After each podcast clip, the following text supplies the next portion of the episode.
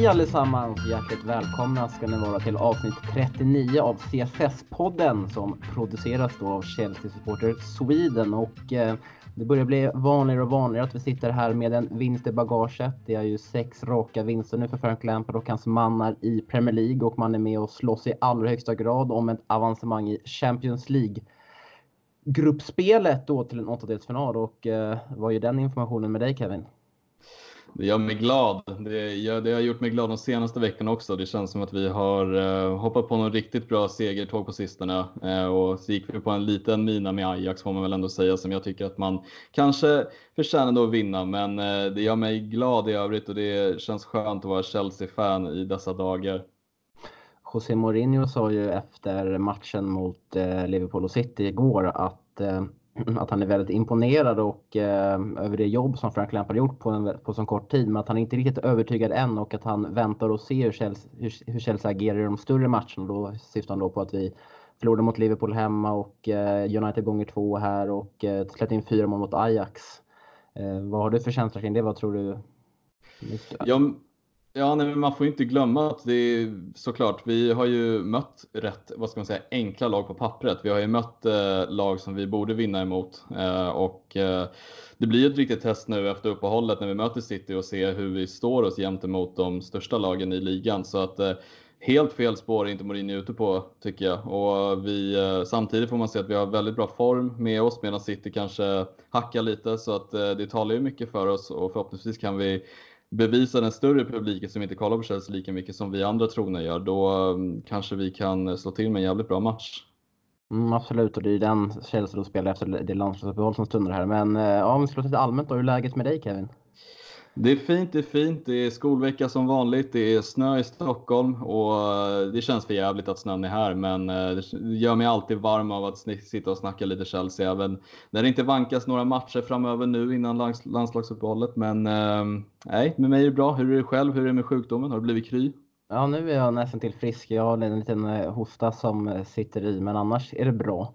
Eh, gick faktiskt ut på en, eh, det första, eller typ bland det första fysiska jag gjort på kanske 8-9 dagar var att jag tog en, ja, men en 45 minuters promenad i kylan här i snöstorm och ja, uppemot 15 minus här uppe i Piteå. Det är ruskigt kallt. Men eh, jag känner att man blir lite dum i huvudet av att bara vara inne hela tiden så jag kände att jag behövde ut och rasta mig själv lite. Ja, nej men det är bra. Jag tycker att du gör helt rätt. Ja, men vad har vi på agendan idag då? Vi tänkte ju snacka lite såklart om matchen mot Crystal Palace som var i helgen. Sen har vi lite rykten om kontraktsförlängningar eller kontraktssituationer för Tomorrow Abraham. Eh, likadant om William där hans kontrakt löper ut nu till sommaren och sen så kanske vi glider in lite på Rydigers operation. Sen har vi också då eh, ett landslagsuppehåll så vi kanske nämner lite om det också. Absolut och eh, detta och mycket mer i veckans avsnitt av CSS-podden.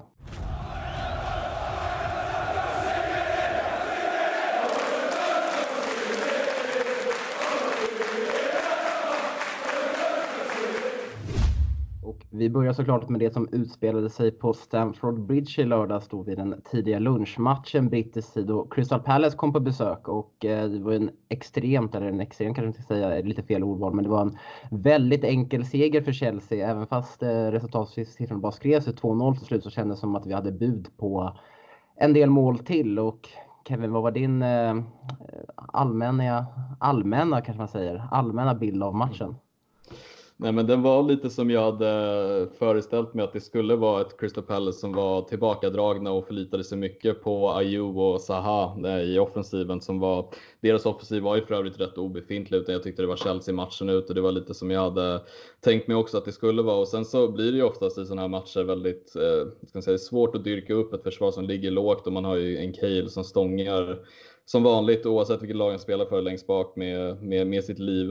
Eh, och, eh, nej, men jag tycker vi, vi gör en bra match mot ett eh, mittenlag i Premier League. Det är lite så här det brukar se ut. Och jag tycker det är fint att se att vi har tålamod, att vi, det, liksom, det släpper till sist bara vi fortsätter att nöta och nöta. Och, Uh, ja, nej, men det var, det var skönt. Abraham fortsätter sin målform och Pulisic fortsätter också sin målform för den delen. Och det, är det jävligt ljust på alla håll och kanter just nu i Chelsea, eh, trots eh, Rydgers operation och lite andra små skavanker på spelare. Så att, eh, Känns, eh, känns jäkligt bra att gå till landslagsuppehållet med den här matchen också precis innan. Jag tycker det är en eh, alltså, psykiskt viktig match att vinna liksom, så att man inte tappar någon onödig poäng och så. Så att, eh, jag är jävligt nöjd. Hur kände du själv? Jo, alltså jag, man var, man var klart att man var lite orolig i, alltså när, eh, i, i halvtid med tanke på att den stod 0-0 och det var, kändes väldigt frustrerat ändå på något sätt, även fast vi var totalt dominanta och Palace de skapade ju knappt någonting förutom någon frispark som Kepa såg ut att ha bra koll på, den, den som gick ut där. Eh, men samtidigt så blev jag också väldigt orolig eller när, eh, när startelvorna släpptes och man fick se Crystal Palace, deras eh, deras väldigt defensiva uppställning med eh, en fyrbackslinje. Sen hade de ju verkligen tre brunkar mittfältare framför den här backlinjen och det kändes som att ja, nu, nu krävs det mycket individuell skicklighet och eh, det var nästan det som jag tyckte var den röda tråden i den första halvleken. Att eh, den individuella skickligheten gjorde så att vi skapade lägen och tänker då på Pulisic, hur fin han var där i början på matchen. Han skapade det här läget för sig själv och eh, när vi ändå vinner, vinner bollen snabbt när Crystal Palace kommer upp och vi kan ställa om på en William som var, som var väldigt het i lördags. Men överlag så kändes det som att det var, ja, som jag säkert är inne på, liksom, eh, lite övergripande, det var ju att det var Chelsea all the way. Och det känns väldigt skönt att vi, att vi har den här förmågan ändå att luckra upp låga försvar och det känns som att vi utvecklas mer också om man ser tillbaka, ser tillbaka på matchen mot Newcastle. Då var det inte riktigt Eh, för sig kanske de ställde sig upp ännu defensivare än vad Crystal Palace gjorde i lördags men det var inte riktigt lika bra mot Newcastle som det var idag. Så att eh, det är ett steg i rätt riktning. I rätt riktning. Mm, nej, jag, tycker, jag håller verkligen med och jag tycker också en sån som William man kan ta till exempel. Jag vet att det inte är Bymans favorit, men jag tycker att i en sån här match så visar han också vad rutin innebär. Jag tycker att han tar tag i taktpinnen rätt bra i matchens gång och tar hand om frisparkar och hörnor. Jag tyckte han såg allmänt het ut liksom och jag tycker det, det är viktigt att ha rutinerade spelare som är, är vana vid att spela såna här matcher som kanske är lite, man möter lag som ligger lite lägre och är lite svåra att dyrka upp liksom. Och, Sen är det ju också, vi har ju sån, sån bra form just nu så att eh, det hade ju varit föga förvånande om Crystal Palace hade fått en poäng med sig. Jag satt i alla fall i första halvlek och jag förstod så frustrationen vid spelarna men jag kände fortsätter vi nöta så kommer det komma in en boll till sist och det gör det ju också. Och man var ju lite frustrerad på Abraham när han missade chansen precis innan halvleken där men eh, det kändes bra att han fick sätta dit den och eh, klättra lite i skytteligan och, och så. Så att, eh, men det var en eh, bra match överlag och psykiskt viktig. Och, Sen så kommer vi säkert glida in på det också, men det var ju fantastiskt kul att se duellen mellan Zaha och James mm. också. Ja, vi kommer glida in på det lite senare, men jag tänker vi kan stanna, stanna av lite vid, eh, vid William där, för att han fick ju ändå leda Chelsea ut som, som kapten för första gången eh, för honom själv. Där han kom ju till klubben i sommaren 2013 och gick kapten första gången nu. Blir det sju, sex, sex, sju säsonger senare. Eh, mm. Och eh, jag instämmer att han, hans rutin visade sig verkligen och jag tycker att han var väldigt bra på att hitta eller han, han hittade ytor väldigt bra mellan eh, motståndarnas backlinje och eh, mittfält på mm, nästan lite överallt. Och, eh, det är bra, men sen känner jag samtidigt också, eller mm, börjar inte bli lite frustrerad. Alltså, någonting som är åt, återkommande William hela tiden. Jag tycker att han har ju tappat lite sin förmåga med frisparkar och sen så tycker jag att hans hörnor, de är ju inte alls bra. Nej, jag, jag, håller med dig. Jag tycker också man även sätter på Alonso som när han har väl spelat inte har fått frisparkarna på mål. Men jag tycker också Mason Mounts hörnor har inte heller varit några riktigt så här jätteskarpa hörnor. Eh, den jag har på näthinnan just nu, det var ju Williams hörna mot Ajax där Reece James gör sitt mål till sist. Då tror jag Zuma nickade i ribban och det var en sån hyfsad hörna. Men överlag så tycker jag våra fasta situationer har varit svaga defensivt och offensivt. Vi har ju haft ganska många lägen och Mount har ju också tagit några frispark som har gått i muren. Så att där får vi nog kanske träna lite extra på, på träningsanläggningen liksom och se, se om det är någon som kliver fram lite hetare. Jag såg att Emerson också tog en frispark som gick, ja den gick i alla fall någon meter utanför. Så att mm. vi som är vana att ha liksom Alonso och William som satte frisparkar titt som tätt och sådär. Vi behöver nog kanske få tillbaka någon, någon skön frisparksskytt som kan smälla dit den. Det känns som det psykiskt behövs ett hörnmål eller frisparksmål också, för det kan ju också väga i en, i en större match när man möter lite svårare lag, att man kan få med en fast situation om man är tillbakapressad och kan sätta en boll på det sättet. Så det är rätt viktigt också. Mm, du nämnde ju rutinen där. Eh, mm. Som är en viktig del, eller vad som, eh, det, det, det som William bidrar med främst. Eh, och i ärlighetens namn så, har, så är ju William, han är ingen stark poängspelare. Och ser man på både Hudson och Pulisic så är det mycket starkare poängspelare. Men vad är det för andra saker som du ser i William som gör då att, att ja, men Pulisic en vecka kanske och Hudson den andra veckan då blir för, för, förpassad till bänken på grund av eh, William? Vad är det han vad tycker han bidrar med liksom? Eh, först och främst så tycker jag Callum Hudson och Doy och Pulisic är mer wingspelare som gillar att utmana sina spelare inifrån flankerna. Medan jag tycker William rör sig mycket mer fritt, kommer in i mitten, hittar ytor. Han blir ju mer vad ska man säga, han blir lite som Mason Mount har varit i början av säsongen, att han är mer den här länkspelaren ibland som kanske kliver in från sin kant, vilket jag tycker är lite mer större skillnad. För Pulisic får ju oftast bollen rakt på en kant, utmanar, går väldigt rakt fram. Likaså Hudson Odoi brukar oftast utmana, glida in och sen kanske dra ett skott.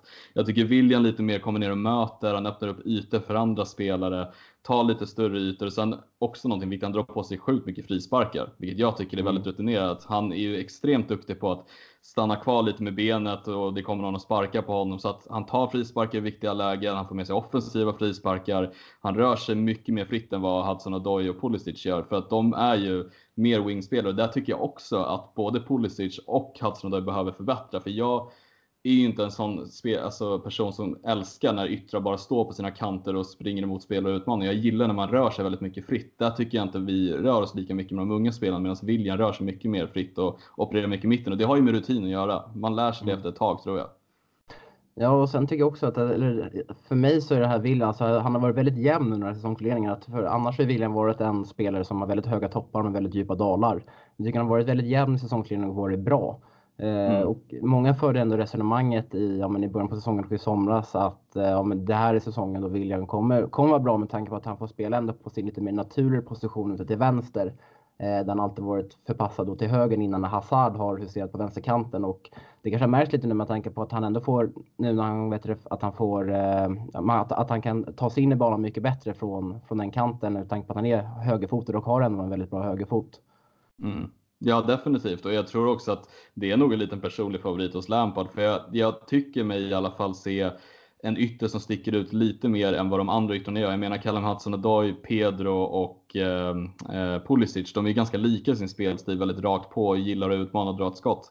William tycker jag skapar mer eh, och är mer eh, kreativ i sitt spel och jag tror att det behövs också i ett lag. Vi har ju, det är det som är väldigt, väldigt skön lyx vi har, att vi har en olika stor mängd liksom spelare med olika typer av spelstilar, både på ytterflankerna och tio, nummer 10-rollen och på mittfältet. Så att, eh, eh, jag tycker det är bra just nu att ha en William i laget. Sen får vi se hur det blir i slutet av säsongen. Hoppas han håller den här jämna nivån. Mm, på tal om skapa lite mer så var det ju en väldigt läcker assist han gjorde där till Abraham som blev mm. eh, 1-0 målet. Och det är ju det är hög klass på den, alltså väldigt hög klass. Mm, ja men exakt och det är där är ju William i sina bästa dagar. Det är, då kunde han verkligen göra sådana där passningar eller skapa lite mer oväntade grejer och det händer ju inte lika ofta längre. Men det var, nej, det var, det var fint att se och jag tycker han förtjänar det också efter hans uppåtgående form efter sina första svaga matcher när han kom tillbaka från sin skada. Och man kanske inte ska skrika direkt att eh, man ska peta honom hit och dit utan han har ju motbevisat rätt många. Mm, assisten också, jag tycker det är helt, eh, alltså, alltså man ska med sig att bollen som man får från Kovacic där, alltså den kommer i väldigt hög fart och han bara dämpar den där med, ja, med yttersidan och lägger upp den perfekt för Abraham. Alltså det, mm. äh, man blir, äh, det var, alltså, bad till högre makter att, äh, att, att Abraham inte var offside där, för man vet ju hur, hur VAR ändå fungerar och de dömer bort minsta lilla. Så det var ju mm. ja, det, från, alltså från att Chelsea vinner bollen där genom Kovacic så är det ju ett, eh, ja, det är väldigt fint anfall hela vägen och det är alltid så skönt när de avslutar på mål, eller när de går i mål. Eh, mm. Och det var ju Abraham som satte in det, men det var lite inne där på att han borde ha gjort ett mål i första. Och det känns ju lite typiskt, lite, eller varit lite Abrahams akilleshäl den här säsongen på något sätt. att det känns som att han inte vågar gå all in i sådana där situationer. I, vet, när, när, han bara ska lägga in den där, när han kommer stormande fram. Men det är, här, det, sista, det, är det här det lilla sista som saknas hela tiden i, i de situationerna för Abraham. Ja, men exakt. Jag skrev ju till dig i halvlek också att jag, jag, jag gjorde mig den extremt svaga jämförelsen med Buya Turay och Abraham med att de behöver extremt många chanser. Inte kanske en extrem mängd på Abraham, men det behövs några chanser innan han sätter dit den och det är väl också någonting tror jag kommer med rutinen med tanke på att det är liksom första, alltså det är väl genombrottet kan man ju säga för honom den här säsongen. Och jag tror att det tar ju lite tid att skaffa sig den här rutinen och bli en grym avslutare liksom. Det tar ju sin tid, men jag, liksom, det, är, det är vissa matcher man blir lite frustrerad. Är, han får ändå chanser som man tänker att det det är en, har man rätt killerinstinkt så sitter den liksom. Eh, men man får ju heller inte glömma ung spelare, ung anfallare och han har fortfarande gjort 10 mål så att ja, han gör ju någonting rätt i alla fall verkar det som. Mm, och eh, han, eh, Ja, som du säger, han har gjort 10 mål och är ju på, eller han, Ward gick ju upp till 11 nu efter han gjorde mål mot eh, Arsenal. Så han är inte en skytteligaledare som just nu, men alltså det, ja, som du säger, det är en sjuk utveckling han har fått ändå. Alltså jag var ju, alltså inför säsongen så trodde jag att Max att han kommer, när han fick starta mot United där, och han fick spela lite mer, man kände okej okay, det här är vår första striker. Och då kände jag, men ja, den här killen han kommer leverera 10 15 mål. Eh, 10 15 mål på en alltså max den här säsongen, men han är redan uppe i 10 och eh, 10 så kom jag med på Twitter idag. Det är, det är så många mål som Marcus Rashford har.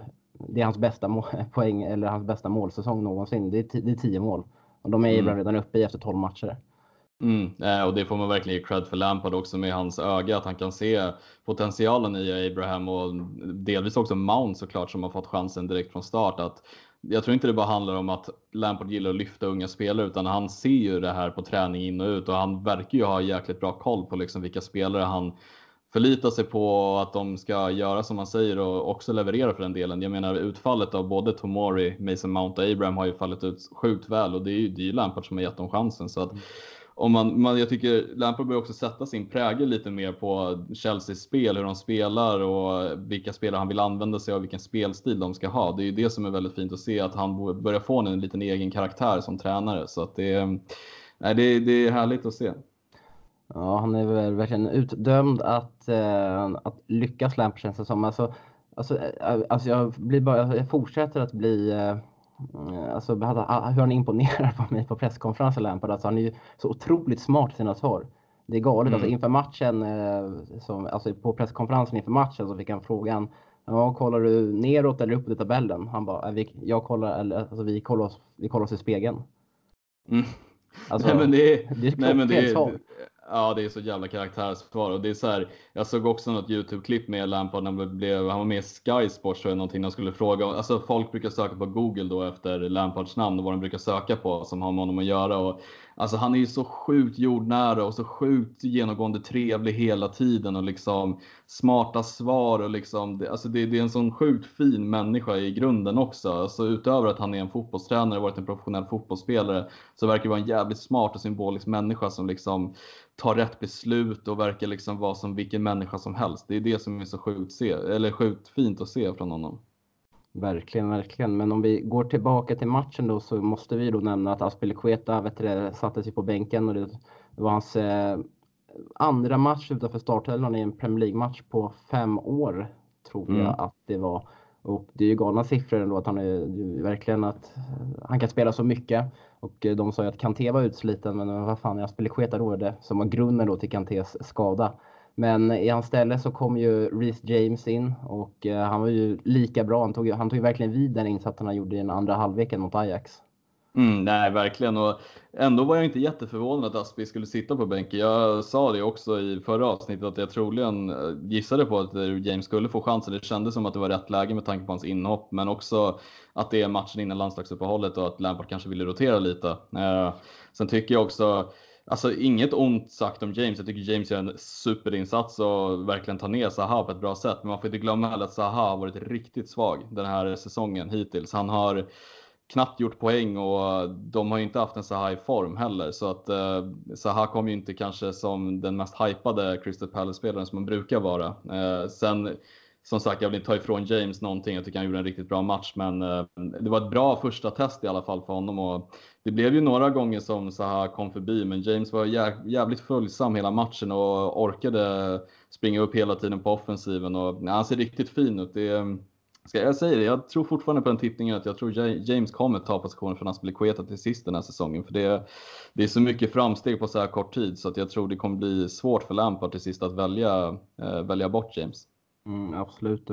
Jag tror, jag tror du fick rätt där när du tippade startelvan inför den här matchen i förra veckan och du sa att, eh, att, att, att, James startade till höger och att Emerson till vänster medan jag och Byman var lite mindre på spåret att James startade till höger och Aspelekueta kliver över till vänster precis så som man gjorde i andra halvlek mot, eh, mot Ajax där när Alonso mm. fick, fick gå ut och äh, han var ruskigt bra. Det är som jag också sa förra poddavsnittet så var det en spelare som eh, som jag hade väldigt höga förhoppningar på inför säsongen och som inte liksom hade motsvarat dem i, till en början. Men ja, den här andra halvleken mot Ajax och den här insatsen så ja, alltså man blir man blir sjukt glad Och mm. känns, både han och Emerson tycker det känns som två ordent, alltså riktigt moderna ytterbackar. Alltså, mm. liksom för, för, ett, ja, för ett par år sedan så var det liksom en ytterback var liksom en spelare som, ja men defensiven måste sitta i första hand. Skapas någonting framåt så är det bara en bonus. Men så ser det inte ut längre i dagens fotboll utan det är liksom, du behöver ju spela en, en snabb ytterback som är bra med bollen, kan gå framåt, kan utmana en mot en. Bra försvarsspel ska de också ha, men bra till god teknik. Och jag tycker att både, både James och Emerson, de, de klingar väldigt bra alltså i, mm. i alla de aspekterna. Ja, verkligen. Det fanns alltså mycket glädjande att ta med från den här matchen. Det är också kul att se Kanté spela nu. Eh, det var ju länge sedan man fick se honom på planen och jag tycker också man kan se ringrostigheten i Kanté. Jag tycker inte han utmärkt sig speciellt mycket. Det var lite felpassningar och någon bolltapp ibland, men det får man också förstå att han har varit borta en längre period och det har varit lite hackigt för honom. Så att kul att se honom på planen, men jag vill också uppa Tomori i den här matchen. Tyckte jag skötte väldigt bra för när man möter ett lag som ligger så lågt som Crystal Palace gör så tycker jag att det är jävligt viktigt att mittbackar tar fram bollen men också hittar en alltså vad ska man säga, en passning som dödar lagdelen i Crystal Palace från mittfältet. Att man ser att Tomori kliver upp lite, hittar en passning in till William eller någon annan som möter i mitten och då har man helt plötsligt slagit ut tre spelare på mittfältet och får ett övertag på deras försvar. Jag tycker det är sjukt viktigt att man använder sig av mittbackar i uppspelsfasen i sådana här matcher. Så att även där tycker jag att Tomori ska ha cred för sina fötter men också för sin offensiv som mittback. Och jag tycker det är Nej, det var också en jäkligt fin, fin grej att se. Jag såg att de tog med det via satsstudion också, men jag satt och tänkte på det väldigt ofta hur alltså bolltrygg han känns. Det är extremt, extremt fint att se. Mm, man kanske tog efter lite det som Zuma gjorde mot Ajax. Att, att det, det kan gå om man går framåt. Nej, men han har ju, det, har, det har ju visat, tycker jag, eh, fler gånger under säsongen tidigare att han är väldigt trygg med boll och han vågar gå framåt och ja, men hitta de här passningarna som du säger som dödar en lagdel för motståndarlaget. Eh, och det är mycket fint. Mycket, mycket fint. Och samtidigt så måste man ju, alltså det känns som att jag bara sitter och hyllar och hyllar och hyllar här, men Zuma måste man också säga har ryckt upp sig ordentligt sen säsongsinledningen och kan bara växa i mina ögon. Alltså mm. han var ju riktigt svag där mot United så satt vi, vi i podden där, här i podden och sa att eh, ja, alltså man kanske hade lite väl för höga för, förväntningar på Zuma och bla bla bla. Liksom man såg ju väl, verkligen under isen den matchen, men han har ju verkligen Alltså, han är, går ju från klarhet till klarhet och det, blir, det kommer bli extrema, eller inte extrema problem, men det kommer bli lite problematiskt när Rydiger är tillbaka. För jag håller, håller honom ändå fortfarande som vår eh, bästa mittback när han är i slag, när man kommer upp till den, den formen som man har visat tidigare i Chelsea. Men eh, det tror jag kommer lösas galant. Man har ju sett hur, eh, hur Frank Lampard har hanterat situationen där framme när han haft Hudson-Odoi, William, Pulisic. Och han är inte... Och sen så, så jag tror att han kommer lösa det bra sen när Eh, Eh, när eh, Rudiger är tillbaka också. Och han, är, han, är inte, han är inte så eh, han är inte obekväm att ta, eller han är inte, att, att ta, ta tuffa beslut med tanke på att han ändå sätter spelare som jag tänker Pedro inte ens med i, på bänken och Giroud får ju får inte ens hoppa in och han har stor auktoritet eh, Lampard. Det ska bli väldigt intressant att se hur han kommer tackla situationen sen när, sen när alla de här tre mittbackarna är tillbaka samtidigt som att man kommer, samtidigt som det defensiva mittfältet med Kanté, Kovacic och Jorginho vilka han kommer spela. Och man mm. sitter ju i, det har varit liksom det som alla Chelsea-supportrar ändå alltså det oroar sig över nu är att vem kommer spela, vem kommer bänkas. Men sen när det väl alla är, väl är tillbaka och friska så tror jag ändå att, att man kommer acceptera det Frank Lampard kommer ställa ut. Och eh, för jag tycker att han gör det väldigt bra också när, alltså när, han, när, han väljer vilka som ska spela och vilka som inte ska spela. Mm. Ja, nej, men jag håller verkligen med och man kunde ju se hur han löste det med de tre mittbackarna han hade. Han körde ju en trebackslinje mot Wolves istället när alla tre var friska. Kanske är det någon, någonting han vill använda sig av i framtiden, vet jag inte heller. Eh, sen så vad vi tycker om en trebackslinje, fine, men Lampard har ju testat det och han har ju verkligen vågat ta det beslutet också. Sen får man inte glömma att vi har en Kristensen tillbaka också som eh, knappt har fått komma tillbaka och det ska bli intressant att se när Rydiger är tillbaka. Då har vi fyra starka mittbackar och vad, vad som händer där, vem som får sitta kvist och inte. Och som du säger, Pedro och Giroud får knappt spela. Och där tycker jag också man ser lite alltså slutet på deras karriär i Chelsea. För både Pedro och Giroud. Jag tror att de är rätt klara för Lampard har ju alltså inte varit, alltså han har varit rätt tydlig med att de inte har fått komma in och knappt fått några minuter och de unga spelarna har tagit chansen före de här lite äldre spelarna så att jag tror att en sån som Giroud inte kommer sitta kvar länge till på bänken med tanke på hans eh, plats i landslaget som han nog vill ha kvar. Och det var som jag sa innan säsongen, ni tvekade på att jag sa att Giroud kommer lämna men jag är rätt säker på att han kommer lämna i januari ändå. Ja, det är väl de flesta nu med tanke på hur det har sett så den Den får du ta. Mm. Och nej, men vi kommer ju komma in lite mer på silly sen och då kommer vi nog nämna Giroud och Pedro eh, återigen för det är ju liksom som du säger, det är två spelare som inte gör något väsen av sig överhuvudtaget i dagens, eller vad ska man säga, veckans Chelsea. Man vet inte hur det kommer att se ut om ett par veckor. Men eh, en skada på Abraham till exempel kan ju, kan ju, kan ju förändra en hel del. Men eh, eh, om vi ska ta lite mer från matchen så Pulisic, fem mål på tre matcher. Och eh, jag tycker också att en spelare som växer och växer och eh, någonting som han visade upp eh, i lördagens match som inte riktigt sett tidigare att han är ju extremt bra på små ytor alltså. Mm, herregud vilka bollfötter han hade i Palace straffområde. Nej men alltså vilken utveckling Captain America har fått nu på sistone. Det var, vi satt ju alla tveksamma i början av säsongen, men vi sa att det behövs tålamod och det här är vad tålamod gör. Det är, till sist när han får chansen så har han tagit den och ja, han är ju självskriven i startelvan just nu som hans form är. Sen så har vi ju lyxproblemet att vi kan alltid variera mellan Kalle Mattsson och David Pulisic och William och så har vi Pedro om han nu skulle komma in så att vi har ju en bra bredd där och det är, nej, det är, det är sjukt vilka kliv han tagit men alltså ja. bollbehandlingen där i straffområdet. Mm. Ja, det är också eh, sjukt hur snabbt det svänger i fotbollen. Alltså för tre veckor sedan, typ ish, eh, så var ju liksom, då var ju Pulisic ute lite, han svingade inte med det liksom, men han sa att han var lite besviken men att han måste fortsätta jobba hårt och nu är det liksom, nu är det totalt bortblåst och han har varit en av Chelseas bästa spelare de, de senaste matcherna. Mm. Det är liksom, ja, satt jag här bara för några veckor sedan och, och eh, pratade vad måste Pulisic göra liksom och nu gör han det. Alltså, mm svänger så extremt, extremt fort. Och jag förespråkade inför matchen att, eh, eller förespråkade inför matchen, eller jag sa att jag, hellre, att jag såg hellre en Hudson Odoi än Pulisic i den här matchen. För jag, för jag tror att när man möter en så här pass låga försvar så är individuell skicklighet och kreativitet mycket det är någonting som, eh, som hjälper oss att ja, luckra upp de här låga försvaren. Och det trodde jag inte riktigt att Pulisic hade i sig riktigt utan jag har mer fått den att han är mer, lite mer rak i sitt spel, kan gå snabbt mot mål faller lite där på tekniken, men som han motbevisade mig alltså.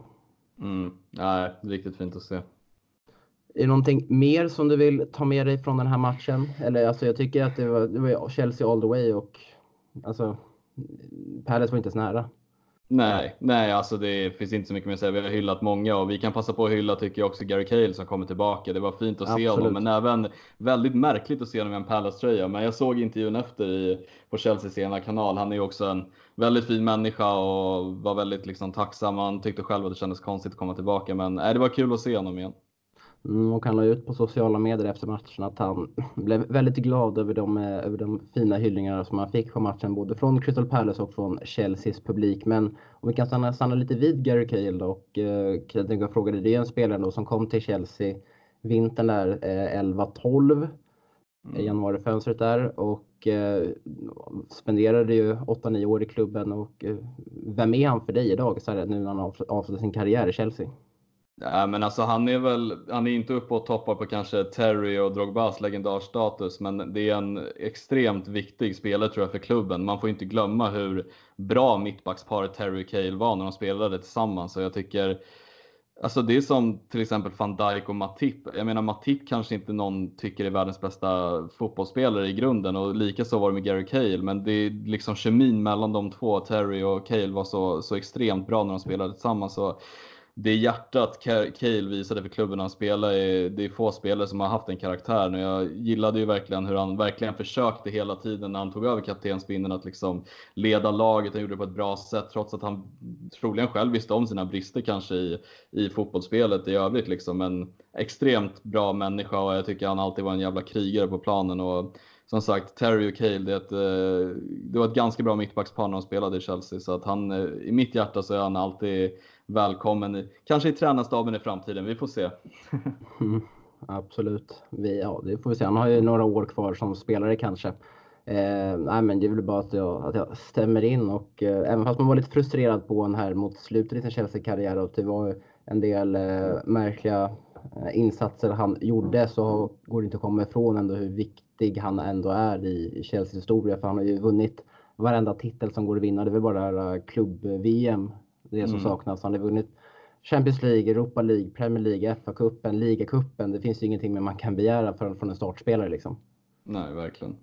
Men hur som helst, kul att Gary Cahill var tillbaka och att han åkte därifrån med noll poäng. Ja, det håller jag fullständigt med om. Och eh, nu väntar då ett landslagsuppehåll och eh, efter det om eh, lördag om två veckor så är det då City på bortaplan och den matchen kommer vi då snacka upp i ett eh, avsnitt som kommer lite mm, närmare in på den matchen. Du vet väl om att du kan bli medlem i CSS? Via vår sida på Svenska fans kan du läsa om hur du blir det och vilka förmåner det ger. Så gör som 800 andra och bli medlem du också.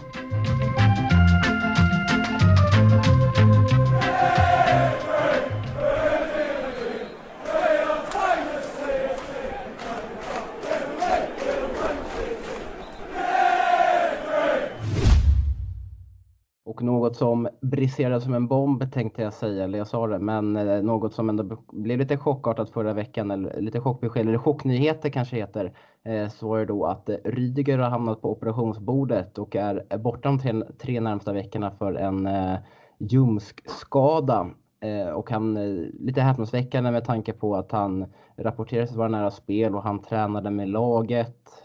och man fick, de kablade till och med ut bilder från sociala medier när han ja, när, han, när han stod där på Kobans träningsanläggning och mm, sparkade lite boll och deltog i träningarna och eh, så får man återigen så här eh, tar återigen ett steg tillbaka i sin, i sin, rehabilitering och tvingas till en operation och det är då ljumsken som strulas, som det strular med och eh, jag tycker att det här är väldigt eh, illa skött av Chelsea, Kevin. Ja, nej, det, det känns jäkligt märkligt liksom att det har tagit så pass lång tid att komma till ett beslut om att okej, okay, nu opererar vi honom. Det har ju ändå gått, ja, nu vet inte jag hur många veckor på rak arm, det kanske du har bättre koll på, men att han har varit liksom eh, borta, spelat, eh, kommit tillbaka efter rehabtid, tränat med, jag tror att han tränade med development skad någon träning och de kablade ut bilder på Youtube-kanalen. Sen har han varit borta igen, det har varit tyst om honom, nu ska han opereras. Så att, det har varit jäkligt mycket till och från och så har man ju sett med Kanté också att det var mycket till och från att man rushade med honom fram i matcher och lika som med Rydiger. Det känns som, jag vet inte vad läkarteamet sysslar med det eller hur Chelsea har skött det hela utan tycker man borde ha kanske vilat Rydiger ännu mer och kanske testat honom mer i gymmet och se om det tar emot där redan då och då kanske man kan ta det beslutet tidigare än att låta honom gå ut och träna och så. så jag vet inte, vad känner du om det hela?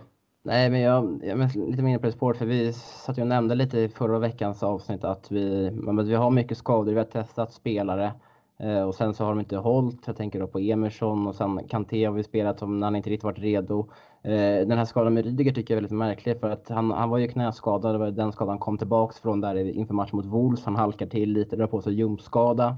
Fine, otur. Men sen det här också då att man, att det tar så lång tid för Chelsea att inse att han måste gå till en operation. Alltså, liksom han, den här skadan, mot, skadan han drog på sig, det var ju mot Wolves. Så det, då snackar vi omgång 5-6 i Premier League. Innan, det var typ innan ens eh, Champions League-spelet drog igång nästan. Det var efter första landslagsuppehållet där. Mm. Eh, alltså, och sen så att man låter honom rehabba och sen man sätter han i träning. Och sen helt plötsligt så, ah, shit, vi, ja, vi missvärderade hela den, här, hela den här situationen. Han behöver opereras.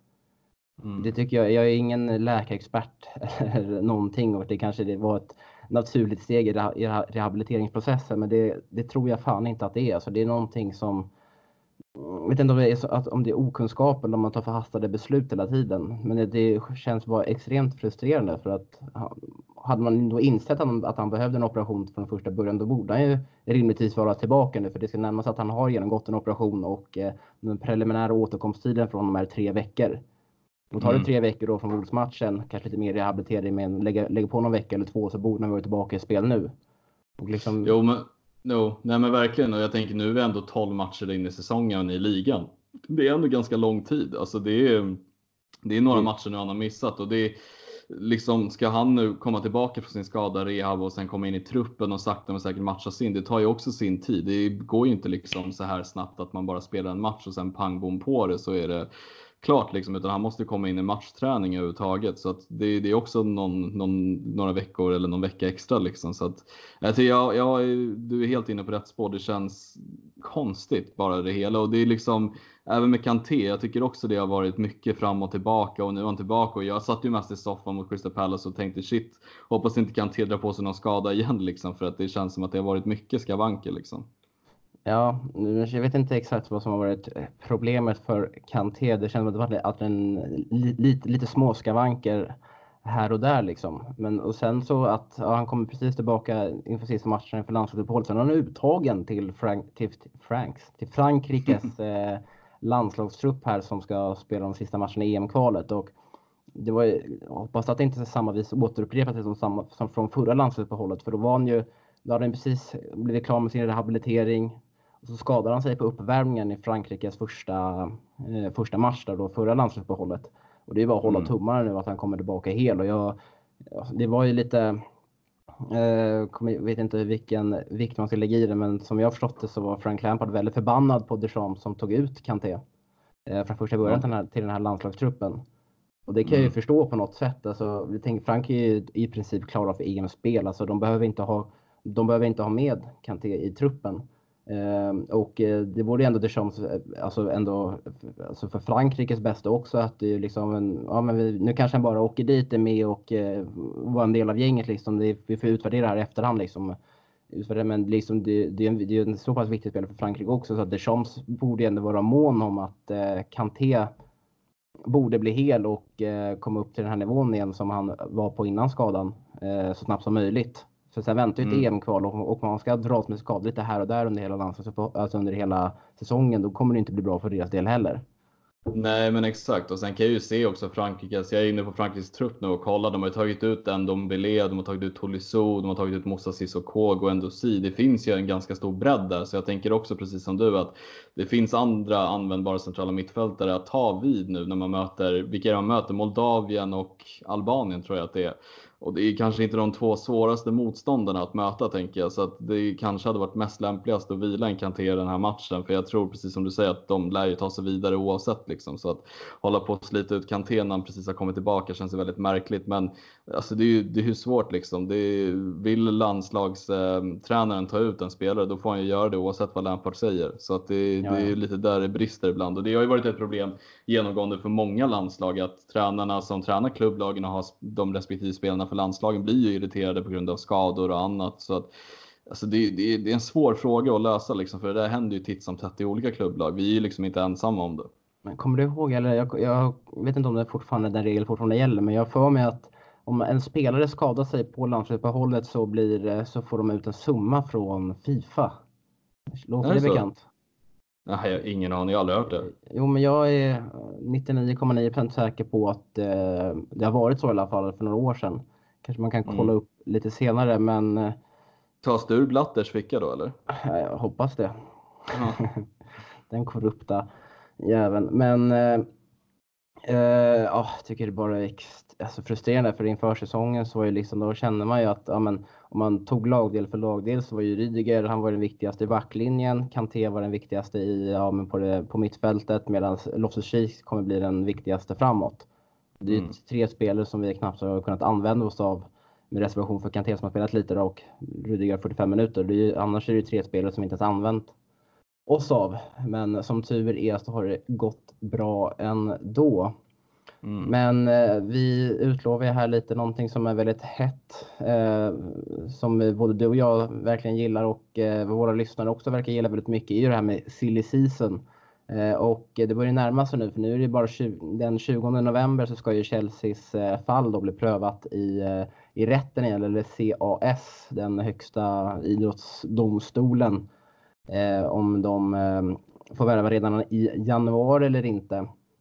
Mm. och det är ju då att Chelsea överklagade återigen med tanke på att Manchester City blev ju åklagade, de blev dömda för i, princip samma sak som Chelsea men kom undan med bara böter. Så det är den liksom, det är den det är det de överklagar på som, som deras största argument. Eh, mm. Och det blir prövat då här den 20 november. Och vi kommer gå in lite mer på eventuella värvningar då. Vi har fått en del frågor om det i, eh, i, i poddengruppen på Facebook också som vi kommer då eh, ta in då i silly snacket Men först kan vi bara nämna här då att det är tre spelare som ser ut att gå mot en förlängning i Chelsea och det rapporteras om att eh, Tomoro och Abraham har det ryktats om ända sedan Callum Sordoy har fått ett nytt kontrakt men att det bara närmar sig och närmar sig. Jag tog del av några rapporter här i, eh, i slutet av förra veckan eh, att från eh, italienskt håll, jag vet inte vilka ingångar de har kvar i klubben nu längre med tanke nu när Sarri och Conte de är är borta. Men de sa då att Tomor och Abraham ska vara nära nu. Och det är ju bra nyheter Kevin. Ja, definitivt. Jag menar, det är bara att slänga upp ett kontrakt för Big Dick Tomori och Abraham. Jag menar, sett till deras prestationer den här säsongen och med tanke på hur unga de är så är det absolut bra att knyta framtiden till dem. Och nej, alltså det finns inte så mycket mer att säga. Det nej. är någonting de förtjänar. Alltså man är inte, det, det är inte samma sak heller som med hela eh, Hudson Odoi-stoppen heller. Man är ju man, man, man är väldigt säker på att Tomori och Abraham kommer att skriva på nya. Det känns bara, det är inte en fråga om om utan när. Mm, nej, definitivt. Jag instämmer. Så det hoppas vi att det blir ändå klart så fort som möjligt. Det är ändå alltid skönt att säkra upp dem och då kan vi kanske väva in den här frågan från, som vi hade då i gruppen. Tänkte från Andreas Norberg här. Vilka spelare tycker ni bör ha högst marknadsvärde i Chelsea? Såg att Tomori, Tomori hade, Tomori, Tomori hade 11,5 mille pund på transfermarkt, vilket är ett jävla skämt som man uttrycker sig. Eh, och eh, Ja, vi kan ju börja med att ja, jag tycker att Kalle Mattsson och Doja har, borde ha, bör ha högst marknadsvärde i Chelsea med tanke på den. För jag vidhåller fortfarande att han, den, han, han har ett nytt eh, färskt kontrakt och den som har högst potential i Chelsea. Men det här med att Tomori bara 11,5 miljoner pund, det tror jag också har med att det är en mittback. Och sen så när han väl skriver på ett nytt kontrakt också kommer det höjas avsevärt. För att han har ju inte så långt kvar nu. Det är bara ett par år. Och då kommer såklart mm. att hans marknadsvärde att eh, höjas. Men vem tycker du bör ha högst marknadsvärde i Chelsea? Eller vem, vilken tror du? Alltså det, det är också så här, jag fattar det som marknadsvärde baseras ju precis som du säger på ett kontrakt, hur långt man sitter på det, hur hög lön man har sett till också prestationer såklart på planen. Och jag tycker precis som du, Kalle Mattsson och Doy borde ha ett högt värde. Helvete. och eh, sen tycker jag också sett till anfallare som finns i världen tycker jag Abraham borde ha ett jäkligt högt värde för att alltså strikers som eh, är utpräglade nior som stänker in mål tycker inte jag det finns jättemycket jättemycket att vända sig till runt om i världen. De flesta spelar redan i storklubbar, typ Agüero, Kane och Messi, Suarez och alla de här. Eh, så jag, och nu jämför jag inte Abraham i samma klass som dem, men det är en spelare på uppgång och är väldigt ung. Så att eh, jag tycker Abraham borde räknas in i en av dem som ska ha högt transfervärde. Sen vet jag att Pulisic lär ha ett högt transfervärde redan nu. Callum Hudson Odoi kommer nog ha ett. Tomori om man förlänger precis som du säger. Sen så tror jag också Ruben Loftus-Cheek kommer han tillbaka på plan tror att han kan höja sitt värde också rätt mycket. Han skrev ju på ett färskt kontrakt nu mm. Eh, för, ja, någon, vad blir det, någon halv, något halvt år sedan eller var det efter säsongen? Nej, han, han skrev på ett eh, nu i somras i juli någon gång. Ja, ja, men precis nu i juli och där tycker jag också att det borde vara ett ganska högt transfervärde och ju, ju mer de spelar, ju bättre de blir, desto, mer, alltså desto högre transfervärde kommer det vara. Men ja, som du säger, Callum Hudson-Odoi, det är väl den som jag också skulle gissa på högst. Men jag tycker Abraham borde vara uppe och nosa med Hudson-Odoi där. Mm. Eh, och vi, måste, vi sa att det var tre spelare som ryktas vara nära att förlänga med Chelsea och den tredje är då William och det var ju en spelare som man eh, inför säsongen, eller man, man har ju varit inne lite på det här generationsskiftet i anfallet och att William och Pedro är de två där framme på ytterpositionerna som bör lämna. Men med tanke på Williams ändå fina säsongsinledning så tycker i alla fall jag att kan han upprätthålla den här nivån så han, han ska kunna gå ut nu, nu till sommar. Så tycker jag mm. att han absolut är värd att få ett, ett till två års kontrakt till. Definitivt och här tycker jag också man får utvärdera hur klubben känner om viljan. Jag tycker precis som du att han har gjort det väldigt bra, förtjänar en förlängning. Eh, sen får man också tänka på att i januari så blir han ju fri att snacka med andra klubbar så att eh, där får man faktiskt vara lite snabba på bollen nu för nu är det inte många månader kvar tills januari så att eh, Ja, man får nog göra en liten utvärdering där, men jag tror att om Lampard får bestämma tror jag William kommer förlänga till sist. Ja, det var ju någonting som han var ute och sa i media att, han, att William är en av hans viktigaste spelare just nu i alla fall. Eh, och att han gärna så, ser en förlängning, men det var inte upp till honom för han, då måste William komma överens med, med ledningen om den ekonomiska biten sa han. Men jag tror att om, om Chelsea vill visa lite nu så här smått till William att vi vill förlänga så kommer han nog absolut stanna. Alltså, mm. tanke på han Ja, alltså han har ju, jag tror mig, alltså han har ju den här restaurangen i London också. Han är, han är ju egen företagare i London.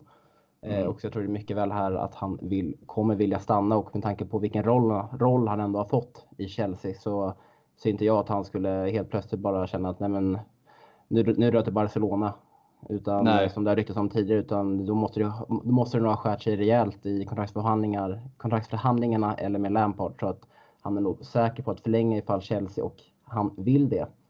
Mm, vad jag har hört också, får jag bara säga, vad jag har hört mm. också ska William ha uttryckt sig väldigt väl om London och även Chelsea som klubb, att han verkligen älskar klubben, älskar London. Så att jag ser inte egentligen varför han skulle göra en Louise och dra till typ Arsenal eller liksom om det skär sig helt. Jag tror också att han vill verkligen stanna så att det där tror jag kommer lösa sig. Yes, det är nog inga, vad säger man, det är väl inga höga odds på det. Nej. Eh, men eh, om vi stannar kvar här då vid transfers så har vi en fråga från Kristoffer Edenborg. Om transferbannen hävs, vem är den bästa och även troligaste värvningen Chelsea kan göra enligt er? Och eh, då snappade du upp Kevin att det kom lite rapporter här från The Mirror att eh, eh Frank Lampard har pekat ut Sergej Milinkovic Savic från Lazio som eh, en spelare som han skulle vilja ta in i Chelsea. Mm, jag eh, blev lite paff när jag läste det för det eh, var ett otippat val. Jag vet att eh, United var ju verkligen ute efter honom i somras men även sommaren innan det och även vid januarifönstret där. Och jag som ändå, jag brukar kolla ändå rätt många ligor och jag vet att han, eh, Milinkovic Savic förlängde tror jag i förra sommaren eller någonstans där och innan dess var han en av de mest eh, hypade spelarna skulle jag nog säga i Europa. Sen efter det och hans kontraktsförlängning så har han gått ner sig lite och inte lika bra som han har varit tidigare men för er som kanske inte vet vem det är, han, han är stor och stark jävla serb. Alltså stor mittfältare och påminner rätt mycket om Loftus-Cheek sett till fysik. Han är fysisk, han är bollskicklig, väldigt bra i boxen och gör mycket poäng. Eh, så att det är en, eh, det är en köttig mittfältare. Eh, sen så vet inte jag om jag, ja alltså absolut det hade varit kul att se honom men vi har en Loftus-Cheek där, vi har ett tätt mittfält med Kovacic, Jorginho, vi har Kanté också. Alltså det skulle bli väldigt tjockt om vi skulle få in honom där också. Eh, men eh, vad det verkar som, det verkar ju vara lite olika källor i alla fall som surrar om det så vi får se om det blir verklighet eller inte. Mm, tror det kan bli verklighet redan i januari eller tror att det är en trolig värvning Chelsea kan göra? Som om vi går tillbaka till frågan.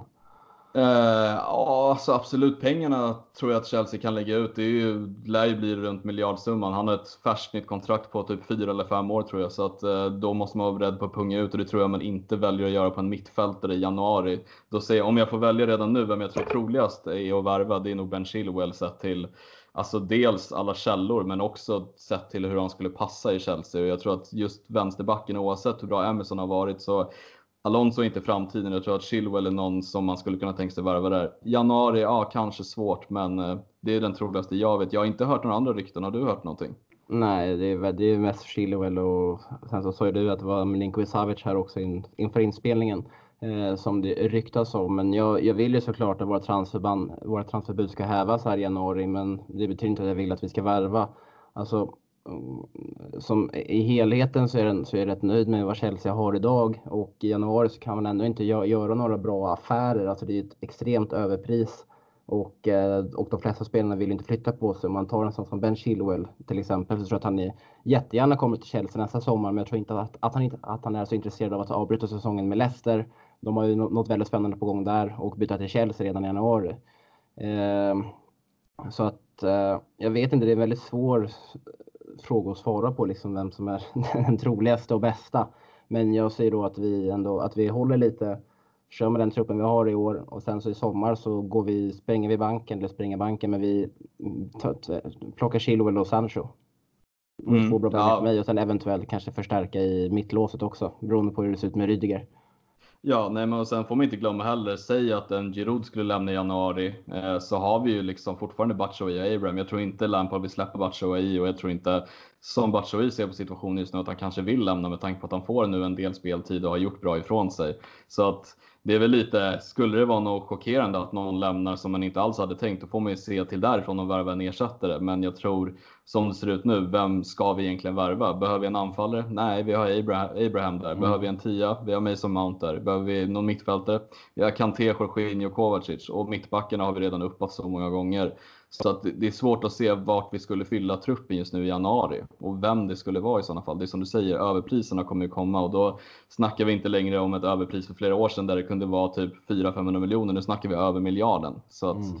skulle man lägga de pengarna i januari skulle det vara, då hade ju proppskåpet gått också i vår ledning och hade ja. gjort det. Känns bara att potentiella januarivärvningar är bara sådana, alltså det är ju breddspelare och det har Chelsea nog om. Så att alltså, om vi ska värva någonting som kan förbättra truppen och laget över många år framöver så, det, så får vi nog vänta till, vänta till sommaren.